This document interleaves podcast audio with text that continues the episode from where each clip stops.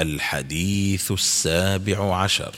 عن أبي هريرة رضي الله عنه قال قال رسول الله صلى الله عليه وسلم من لم يستقبل القبلة ولم يستدبرها في الغائط كتب له حسنة ومحي عنه سيئة.